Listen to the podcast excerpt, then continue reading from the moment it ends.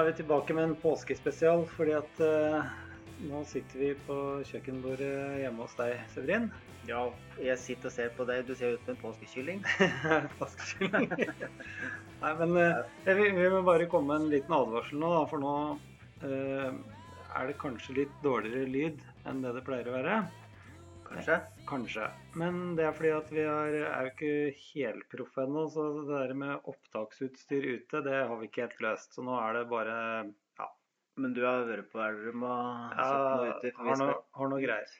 Men Vi skal ut. hvis det er, ja, nemlig fordi nå skal vi ut i skogen. Ja. Endelig skal vi ut. Og Severin, eh, vi skal ut i skogen din. Mm. Kan ikke du fortelle litt? Men skal vi først fortelle åssen været er Ja. Du får komme med en sånn Stemningsrapport. stemningsrapport fra kjøkkenbordet. Ja. Det er akkurat sånn som man ser for seg at det skal være i påsken. Eh, Noen eh, kuldegrader. Det var kanskje minus to i natt. Og det er sol. Og det er vindstille. Og lett skara. Og Jeg tror, jeg tror skaran holder meg, men jeg er ikke sikker på om den holder deg. vi skal vel kjøre scooter, skal vi ikke det? Klokka er, eh, er den kvart over sju, cirka, Ja, om morgenen. Ja. Du har fått eh, knekkebrød, Knekkebrød og og kaffe. mjølk, og da er du fornøyd, og kaffe Og snus. og snus. Ja. Men Severin, nå sitter vi jo da på eiendommen din, da. Svenstu opphus. Mm. Og vi skal eh, Nå har vi snakket så mye om korona og elendighet, så nå skal vi ut og se litt på Mm. hvordan du skjøtter eh, ungskogen din og Ja.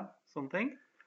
Jeg har eh, drevet her siden 1992 i egen eh, regning og risiko, for å si det sånn. Ja. Så alle plater her etter alle tiltak etter 1992 eh, har jeg helt og fullt ansvar for. Ja. Så, men det som er før det, det, det tar jeg ikke ansvar for. Nei. Men kan du fortelle om bare litt sånn kjapt om eh, eiendommen før 1992, da? Ja. Eh, Jeg I går kveld så satt jeg og bladde i, i gamle bøker, arkiver. Jeg skal ikke dra en lang historie, men eh, det er noe som jeg føler er litt eh, relevant eh, i den tida vi er i nå. Som Det er jo alltid interessant å Når en først tar seg tid til å dukke ned i, i bestefedre og alt slikt, da. Men kort fortalt så ble denne gården her kjøpt av min bestefar i 1912. Ja. Eh, Min bestefar var ansatt på Mål Bruk fra 1902 til 1918. Jeg var jo disponent på Mål Bruk de siste seks åra, men eh, hadde da mulighet til å kjøpe seg en skog, eller en gard. Og det gjorde han. Um, og den tida så er det noen brev og noen oppstillinger og sånn fra tømmeroppgjør og fra handler eh, som kanskje kan være litt relevant nå. Og jeg har bl.a. et tømmeroppgjør fra 1914. Eh, Da ble det solgt 450 kubikk med slip til Greaker cellulosefabrikk. Mm. Og for det fikk han 12 000 kroner, og det tilsvarer 27 eh, kroner per kubikk i 1914-kroner. Og så har vi regnet ut at det er tilsvarer 850 kroner kubikken i dag. Ja. Det gjør det. Og hvis det sagtømprisen den gangen var det dobbelte av slikprisen, så ville sagtømprisen tilsvart 1500-1600 kroner. Ja.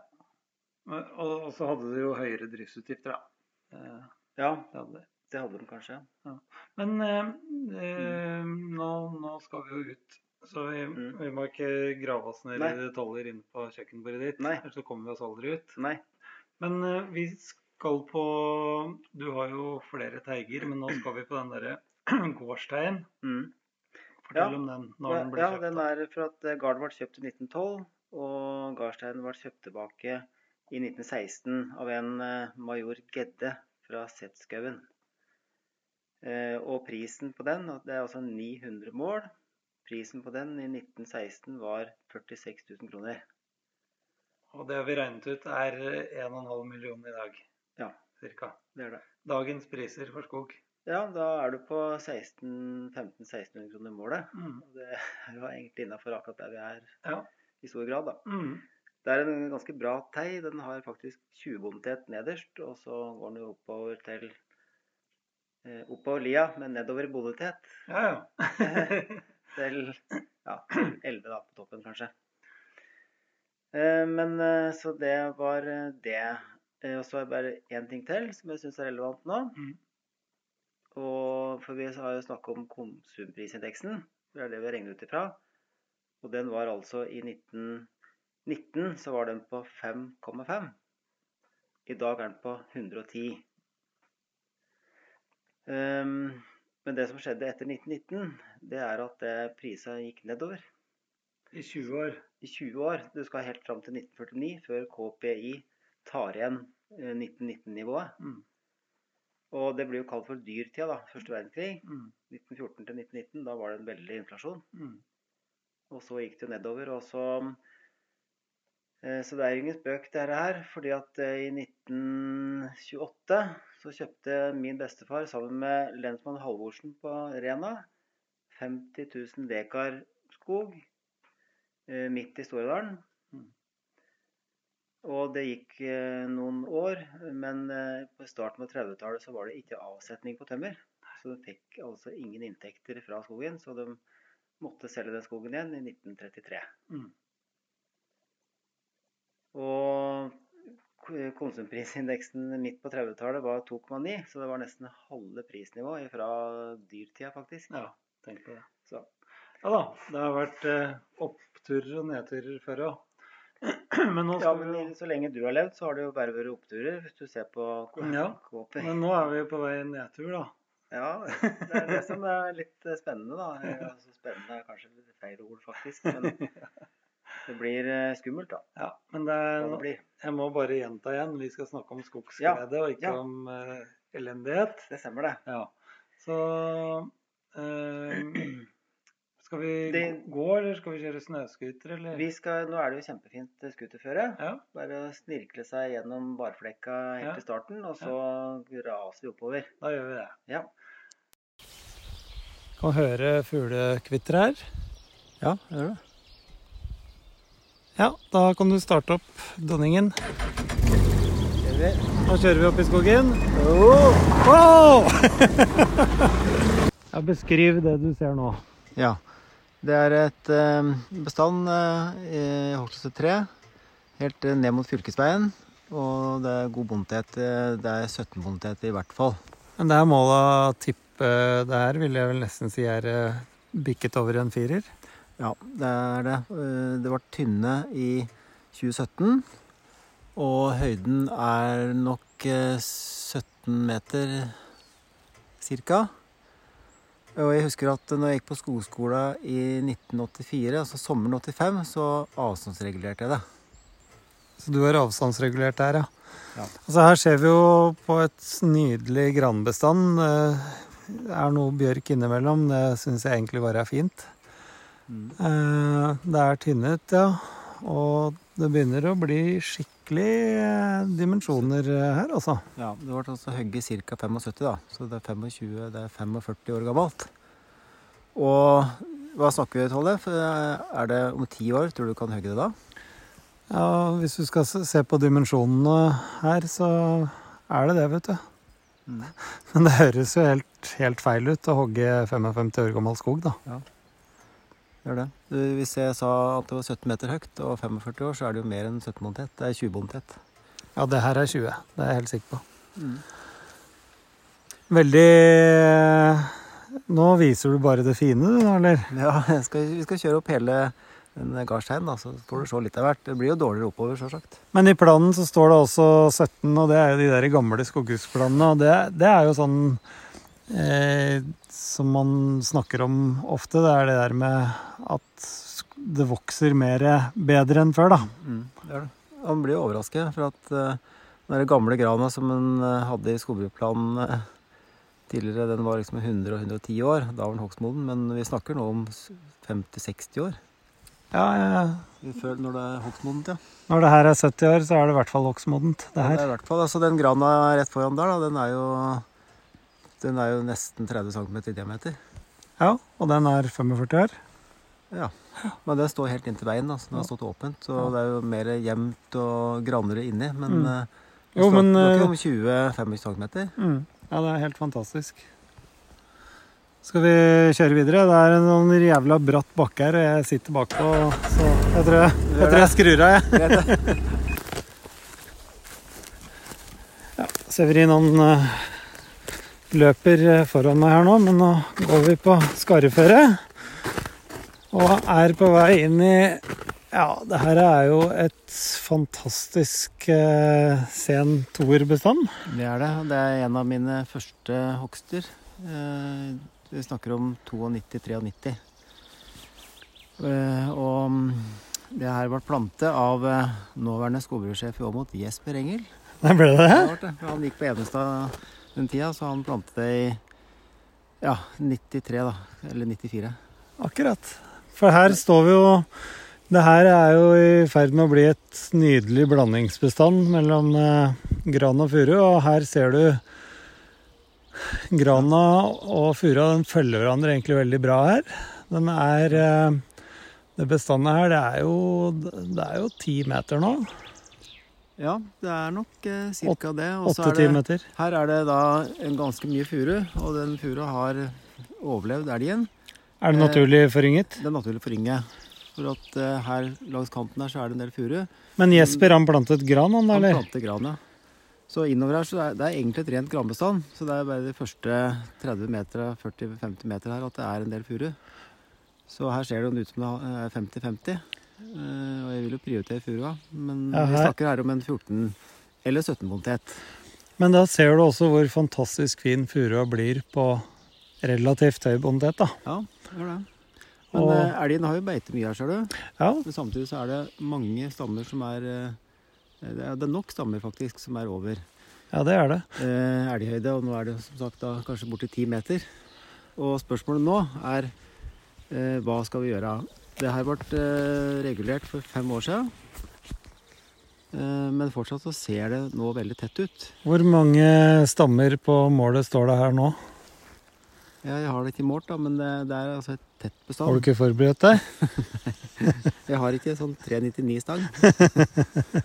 men eh, Da skal jeg tatt med det, da. Ja, Men da må vi bruke vårt forstelige skjønn. Ja, og hvis det er Skal vi si Er det to meter i snitt?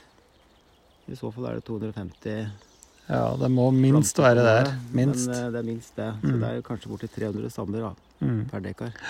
Og så akkurat der vi står nå, så er det, er det vel 70% furu og 30% gran, tipper jeg. Ja, det tror jeg. Mm. Så det som jeg syns er interessant, da, hva, hva ville du ha gjort? Skal vi da ta en hard regulering en tur til og bare skjære den ned, eller skal vi vente noen år og så tynne det? Det er det store spørsmålet her. Her, ha, her har du jo gjort en skikkelig reguleringsjobb, og du har fått hjelp av elgen. Ja, Så her er det vel, eh, i hvert fall i mitt hode, neste skritt her er vel en eh, førstegangstynning. ja du mener det? Ja, jeg mener det. Men uh... Hva skulle du hva, Ikke sant, nå ser du jo Her har du en gran. Den er eh, åtte meter, og så ved siden av står det ei furu som er sju meter. mm, Og så mellom der så står det masse sånne understandere. ja. Altså det er jo ikke noe poeng å skjære ned det. Det er til og med noe elgbeite der. Understandere er ikke Nei. Det er å regulere avstanden mellom de herskende og medherskende trea, da. Ja, men hvis du klarer å se for deg nå, uten understandere her, så ser du den grana, Mm.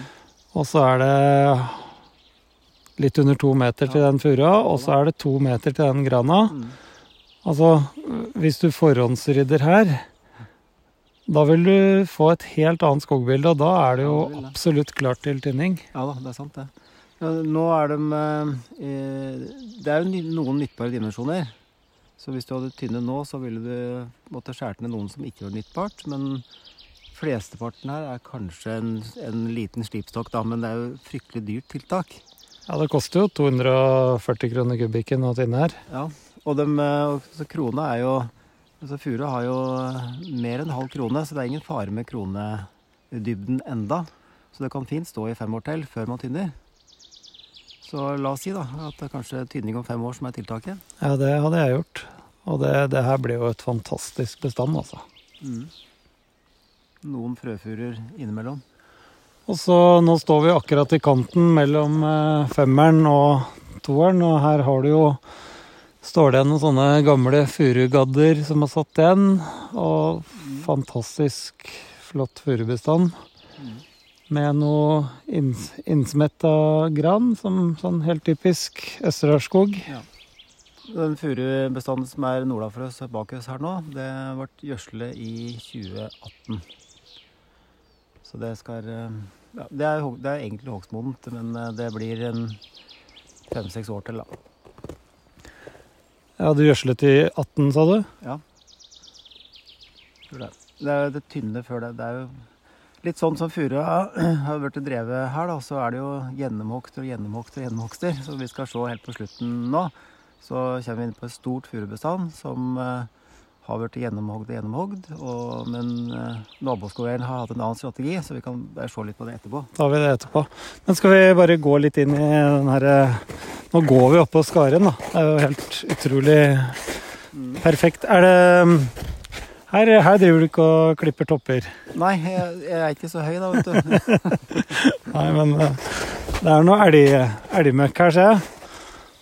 Men eh, Mye av det. Furua, ikke sant? Det er jo helt tørr, tørr ungfuru her, som er helt, helt nedbeite. Ja. Samtidig så har du furu som er så å si uskadd. Men du må jo ha hatt ganske høy utgangstetthet her da, på furua. Altså, Markbrettet du der òg? Eh, det, nei, det tror jeg faktisk ikke. Nei, så er det egentlig utrolig bra tilslag. Eh, Men det er så typisk. Når du står i kanten av en toer og ser inn, så ser det så innmari tett ut. Nå har vi gått inn i bestandene. Og du, har jo, du ser jo åpenbart at her har det vært gjort skikkelig ungskogpleie. Og se for deg at du forhåndsrydder det her, så er det jo det er jo, Nå er jeg mye mer sikker i min sak at her, neste tiltak her er tynning og ikke noe mer. Nei, det er som du sier, å ta på seg brillene med å filtrere bort eh, underveksten, så, så er det faktisk eh, ganske Det er tynningsbehov etter hvert, men eh, det er ikke så tett som det ser ut som. Nei, absolutt ikke. Og så er det jo Det som jeg syns er fint, da, det er når du får sånn blandingsbestand som det her, så ser du at grana og furua følger hverandre ganske bra. Og så ser du på furuen her, det er utrolig bra oppkvisting. Og det er det jo grana som hjelper til med. Men det, det er noen stammer da som har eh, litt sånn barkegnag og Ja, jeg ser det. noen skader, da, men det blir borte. Ja, I hvert fall for eh, blotte øyet. ja nå, det snakket vi om i en episode, da. eh, At det skader i rotstokken. Mm. Men allikevel her så ser du at det er, det er noen få enkelttrær som har, har det, men ellers så ser det utrolig bra ut. Så det her blir jo et Det her er jo det, det er blandingsskog. Det er liksom det vi òg har pratet på litt før. At eh, for det første så er den jo mer robust eh, mot eh, vind og alt slik eh, kalamiteter. Og så blir jo kvaliteten på furua veldig bra. Den er jo rett og finkvistet og, rettkvistet òg. Rette grenvinkler. Ja, og toppskuddet da på den eh, furuen der de er 40 cm. Ja, det er helt, helt fantastisk. Ja, det er skikkelig bra, altså. Så det er også Og så har du jo en uh, frøtrær eh, som står innimellom, så du, så du har en strategi med å la frøtrærne stå, eller? Eh, ja, jeg tenker det når vi hogger furubestandene ved sida her om eh, fem-seks år, da. At, vi, at en tar krana inn og i hvert fall tar med seg det nærmeste. Man begynner ikke å kjøre inn her. Nei, nei, nei. Absolutt Ja, ja, ikke. det er klart Skal den tynne, da, så blir det jo for så vidt tynningsgater. da. Ja, men det er klart å velte ned den furua der, det ødelegger vel mer enn det smaker. Ja, ja, det føles sånn akkurat nå, i hvert fall. Mm. Nei, det blir gøy å komme hit igjen om eh, Er det fem år du sier? Ja, fem år. Seks Mm. år. Ja.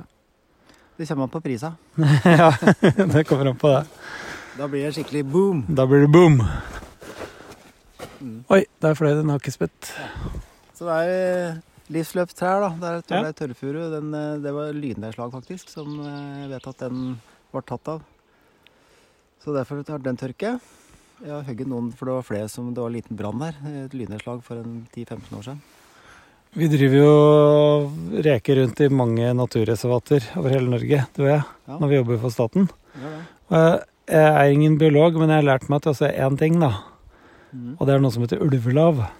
Ja, er det det der, ja? Ja, det er det. Det er det. Og det blir det på de der gamle gaddene. Ja. Så Men eh, ingen ulv. her? ingen ulv nå, i hvert fall. ok, nå må du fortelle hva vi ser på. Ja, da har vi kjørt litt til, og her er det, er det et bestand som eh, ble sådd. Det er en av de få bestandene jeg har som er sådd, og det ble sådd av min far i 1955. Og det betyr at det er eh, også 65 år, da. Og det er furu. Eh, Den ble også gjødslet samtidig. Det ble gjødslet i 2018. Eh, Det er for tidlig å hogge det, syns jeg, om fem år nå. Man bør kanskje stå i 15 år til. Altså, Furua kan jo stå i 100 år til, for den saks skyld, men hvis du skal se rent eh, skogøkonomisk på det, så er jo det her hogstmodent eh, Altså, det her er jo helt fantastisk. Eh, her står det Det, det ble sådd i 55, Ja. og så har vi målt det til at det er 23 kubikk på målet. Og, og her har du jo tynnet òg. Ja, det det er tynne.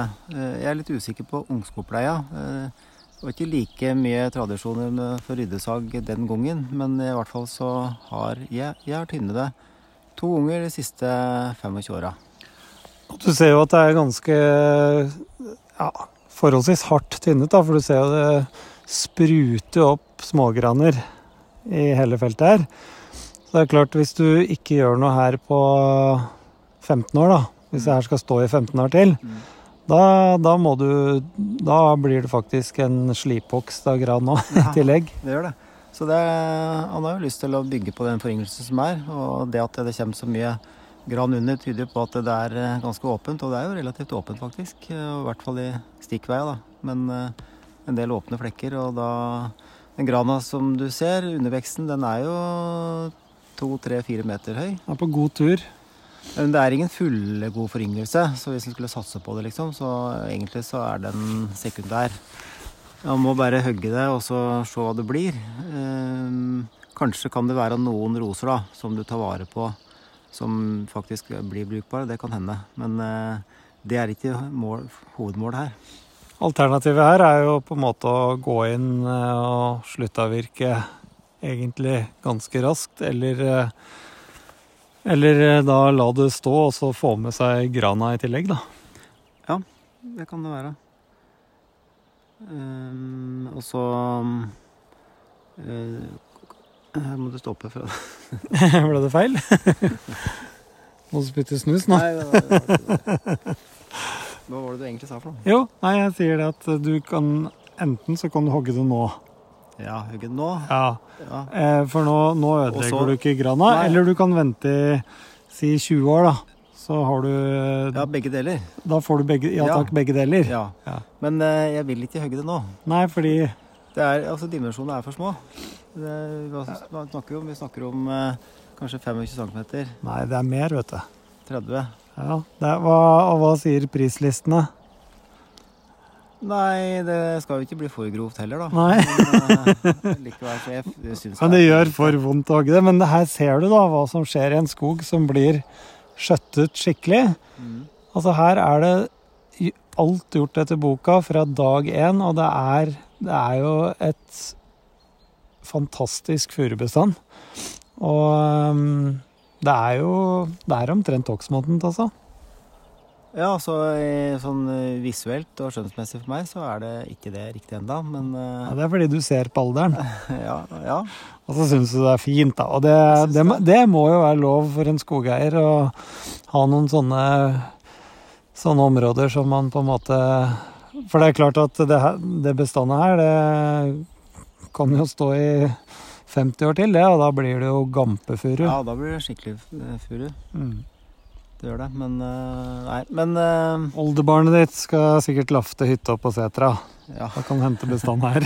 ja det, det, Det har du mye glede av, da. Ja.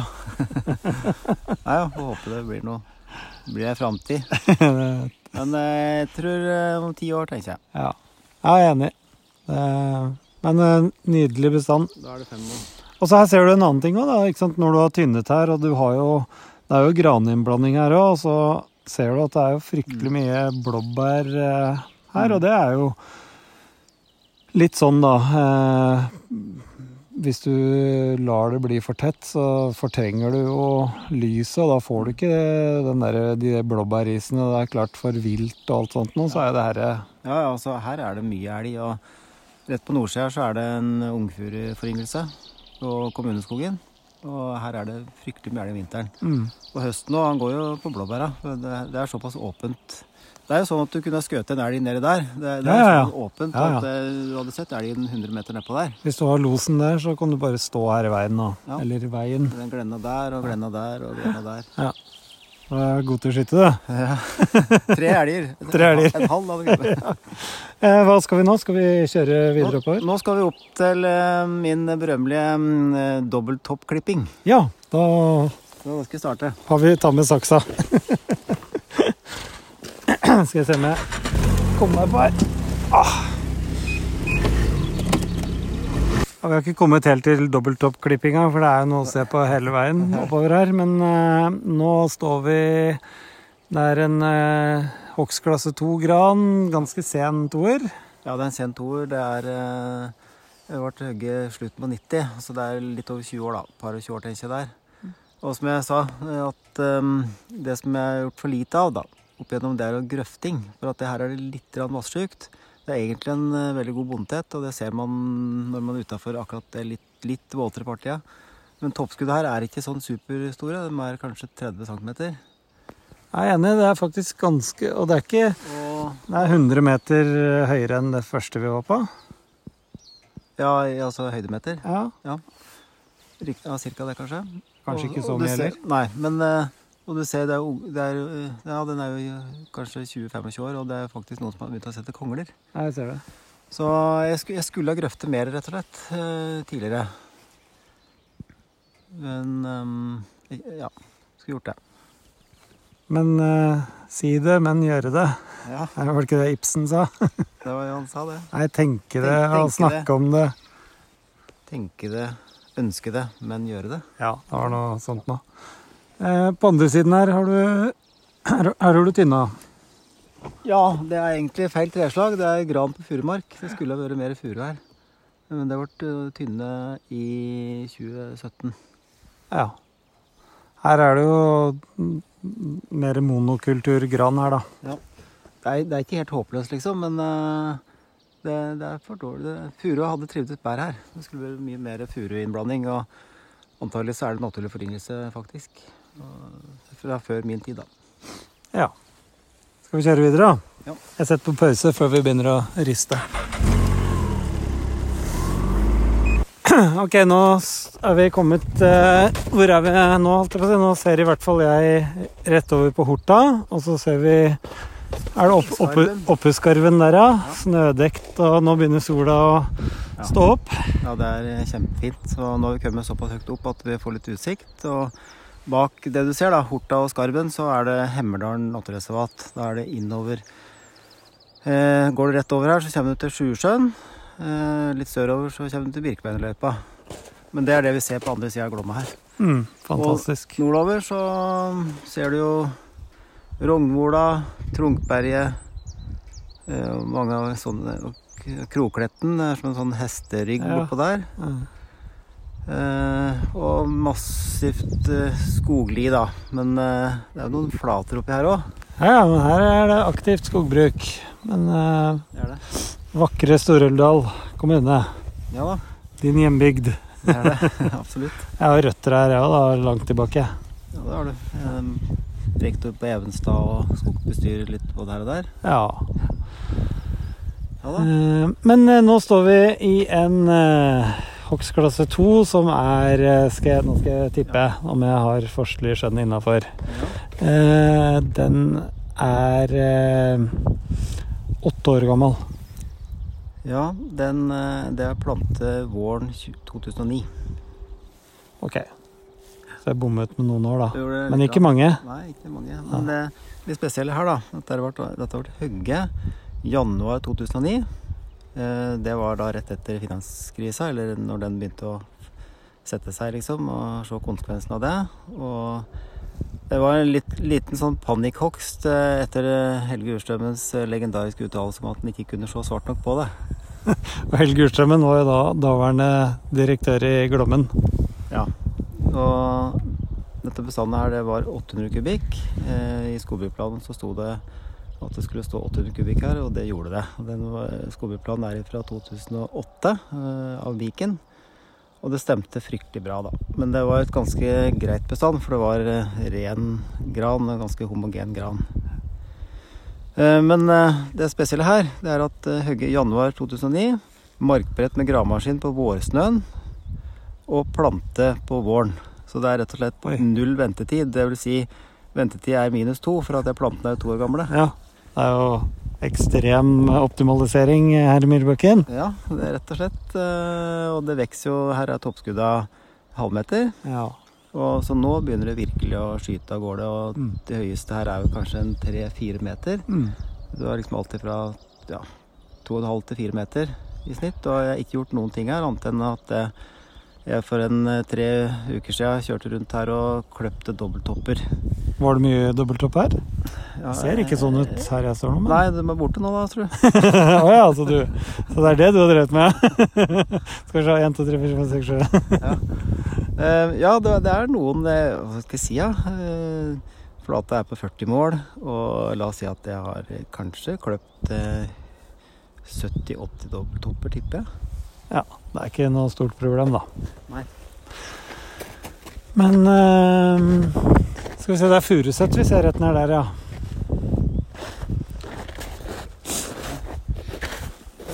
Nei, og så er det satt, satt igjen eh, ja, sånne eh, høgstubber, da, som høgde kappe, slike høye stammer, så det står noen tørrstammer her. Og så er det Det er løv her, men den er beitende elgen.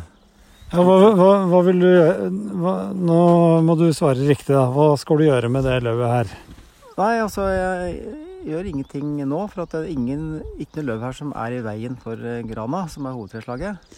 Og løvet er jo helt nede i elgen, du ser jo, det er jo sånn buskete og ja, kløpt eh, Og nå ser jeg det som eh, hun Karen Marie Mathisen fortalte oss i, da vi hadde henne som gjest.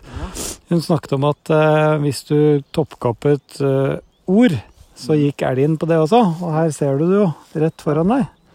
Her er det, har elgen beitet på orda, og, den han- og så står det en furu ved siden av. Ja. Og den har han beitet noen av sidetoppene, men eh, toppskuddet er like helt Du snakker om flaks, for at eh, jeg håper den overlever. Den er, den er kanskje bare halvannen meter høy, da. Men eh, Ja, men nå har den masse å beite på ved siden av den furua. ja, den har det faktisk.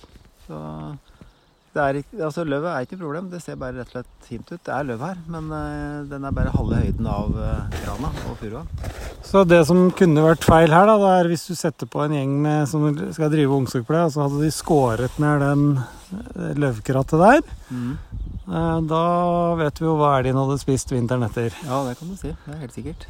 For det han går her. Når jeg drev her for tre uker siden, så var det én elg som hadde drevet her. Og han har, har eh, kneppe sånne eh, furuskudd på toppen, da, så det er en del furu her som er ødelagt, faktisk. Og det er ikke mye furu her. La oss si at det er kanskje 10 furu, da.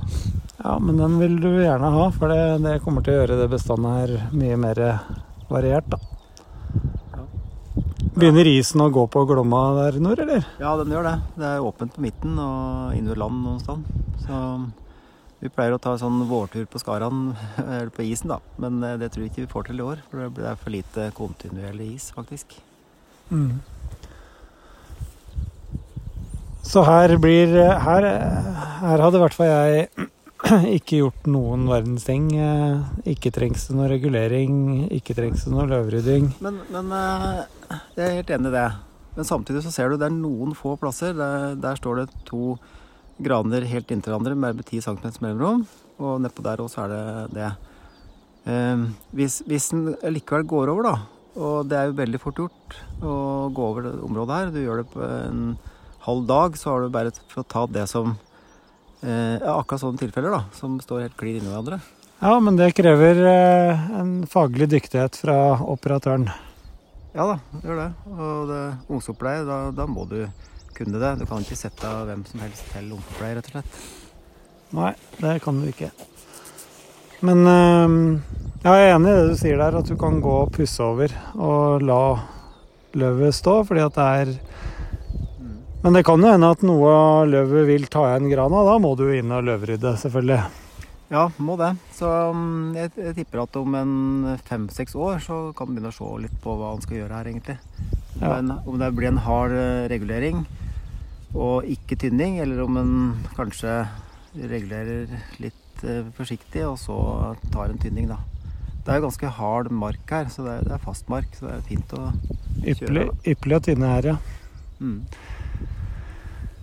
Ja, det er vakkert. Jeg må bare gi nok en beskrivelse av det vi ser. Vi ser, altså, vi ser vel så vidt Ja, der ser du Rognvola, ja. Horta. Og nå begynner sola Nå skinner sola på snødekte fjell. Ja, vi er heldige som kan drive med det her. Så bak oss, da, når vi drar over åsen her eh, Nå er vi omtrent midt i lia. Og så hvis vi da kjører videre oppover, så kommer vi da til litt magrere marker, da. Med sånne furukjøler og Og da kommer vi snart til D-sett, da, hvis vi kjører enda lenger over kuren, over kjølen her. Der er det fint, da.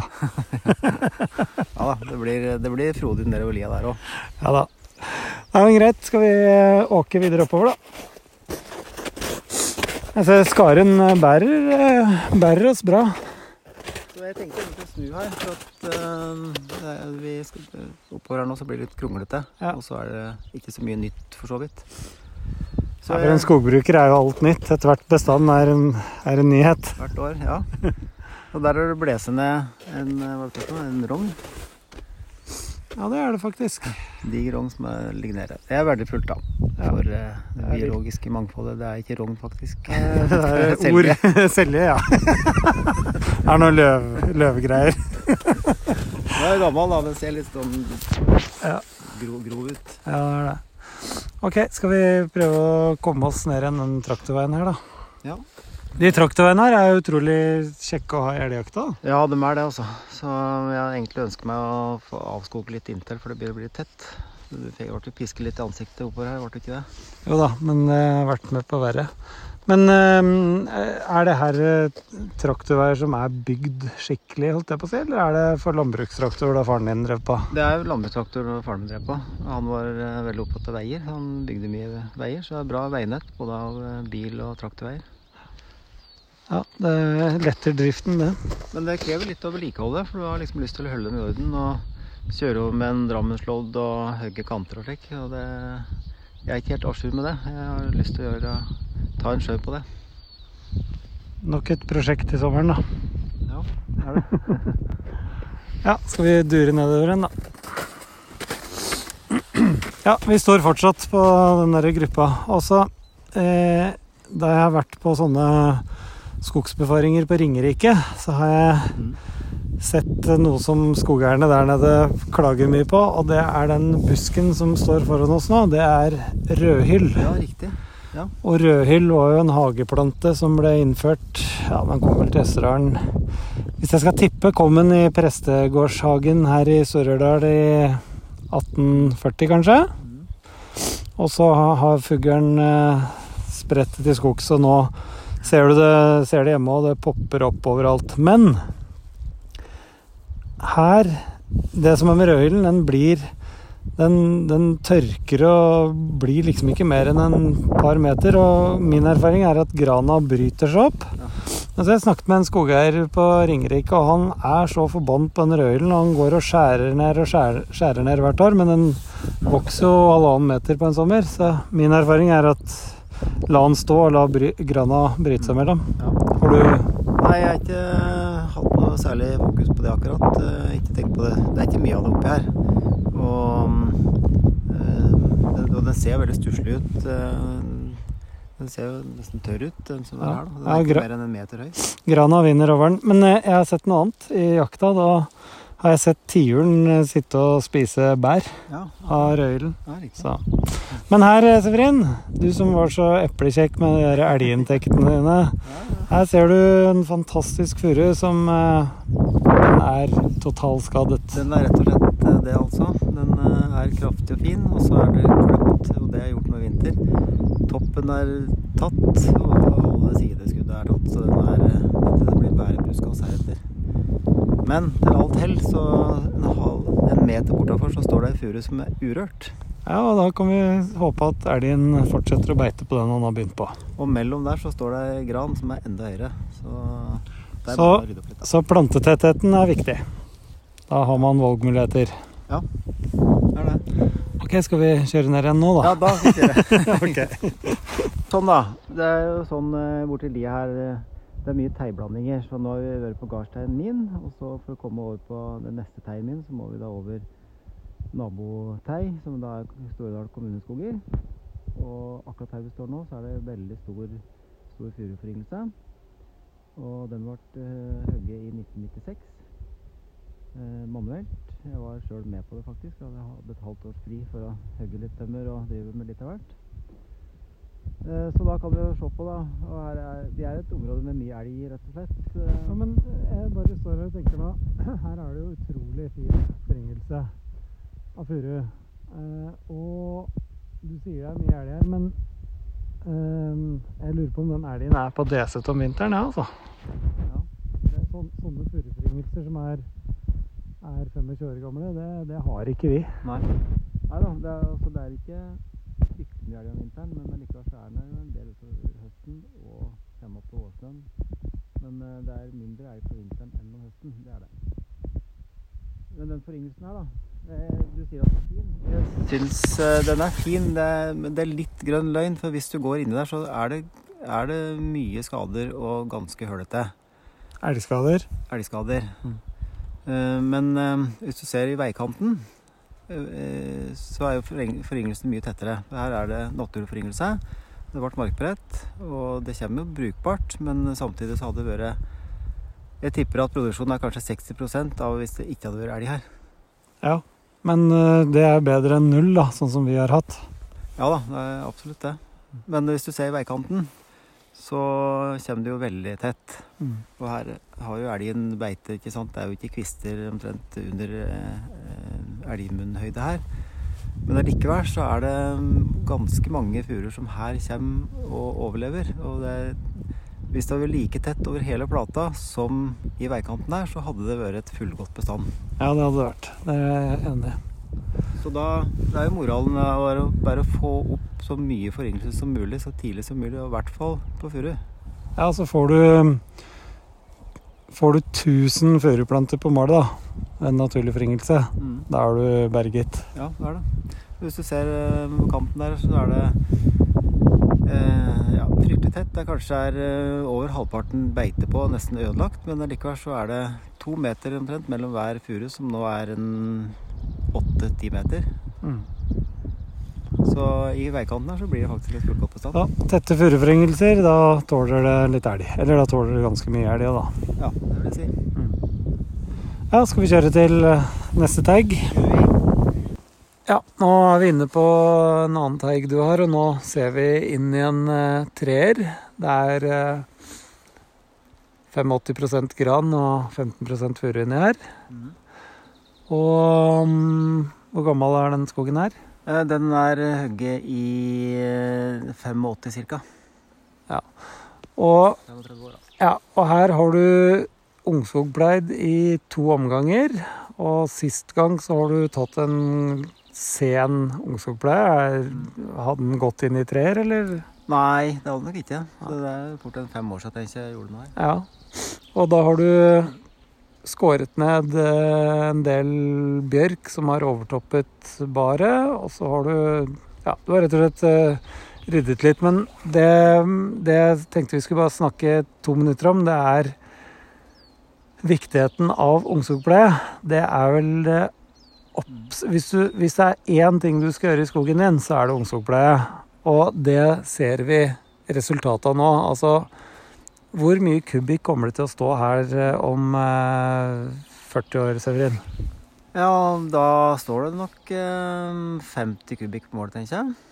40-50.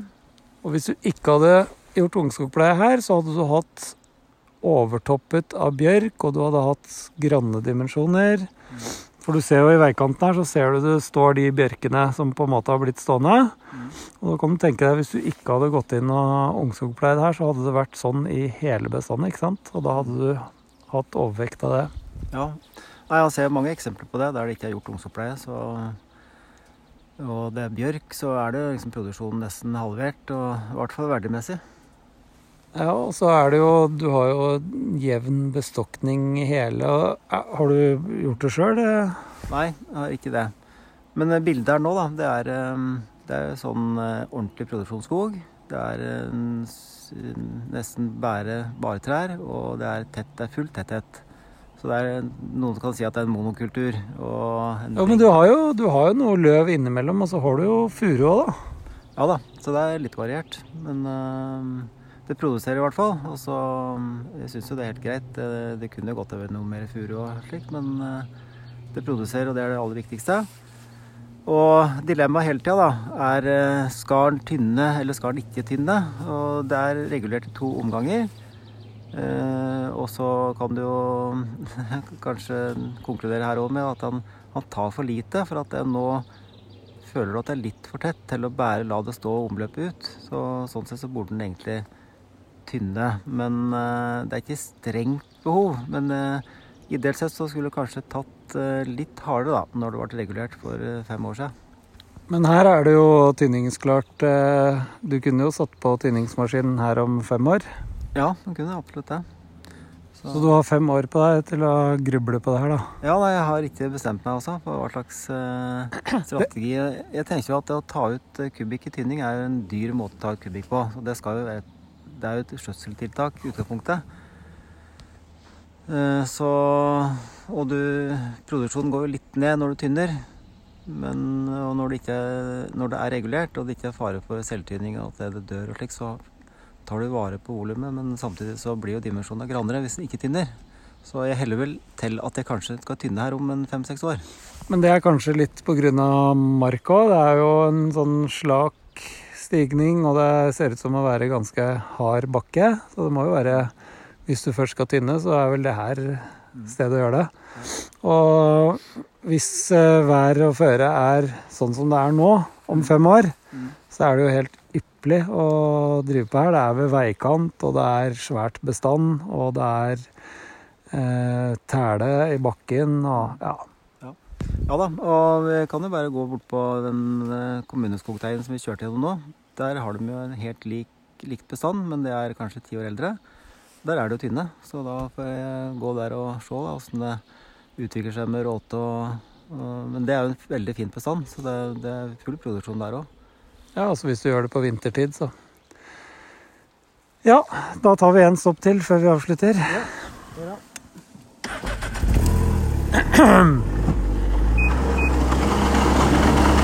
og nå ser jeg du har spart det fineste og beste til slutt. Ja, det har gjort det.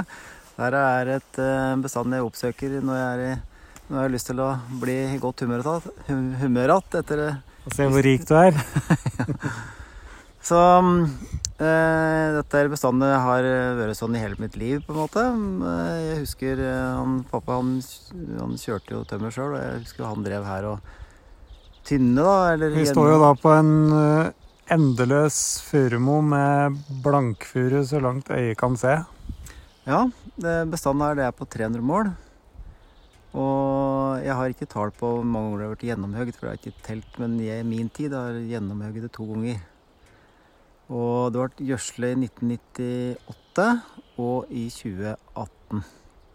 Så planen nå, for nå er det hogstmoment etter hvert, så planen er at i 2025 eller 2026 så skal Det har vel vært hogstmoment i 40 år, ser det ut som. Ja, det har det. det, er, det, er, det burde vært tatt før, men det er den der elgproblematikken da, som kanskje har gjort at du vil i hvert fall ha noe produksjon. Og, og da gjennomhugge og tynne liksom er tiltaket. Jeg vet ikke om det er, er det lureste for så vidt økonomisk, men um, her er det også eksempel på naboteien Kommuneskogen rett sørafor her nå. Eh, De høgg den furua Jeg antar at historikken er lik for langt tilbake. Og så høgg de det snøtt i, på 50-tallet. Og da kan du jo tenke deg, da var det jo høye tømmerpriser, så du fikk sikkert mye ut av det. Men poenget mitt nå, det er nemlig at det, den furuskogen som står der nå, som da er en firer, de har altså en firer. Og i den fireren så står det 18-19 kubikk på målet. For den femmeren vi står i nå, den var jo også en femmer i 1955. Ja, den var antagelig det. Ja. Og nå står det her står det ca. 20 kubikk på målet. Så de, den eh, Kommuneskogen har på en måte hatt to omløp, da. I, samtidig som vi har hatt ett omløp.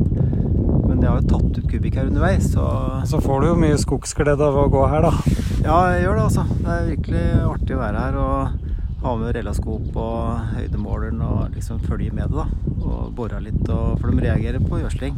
Uten tvil. Kan jo være sånn materialbank for eh, spesialtømmer, det her. Hele moen.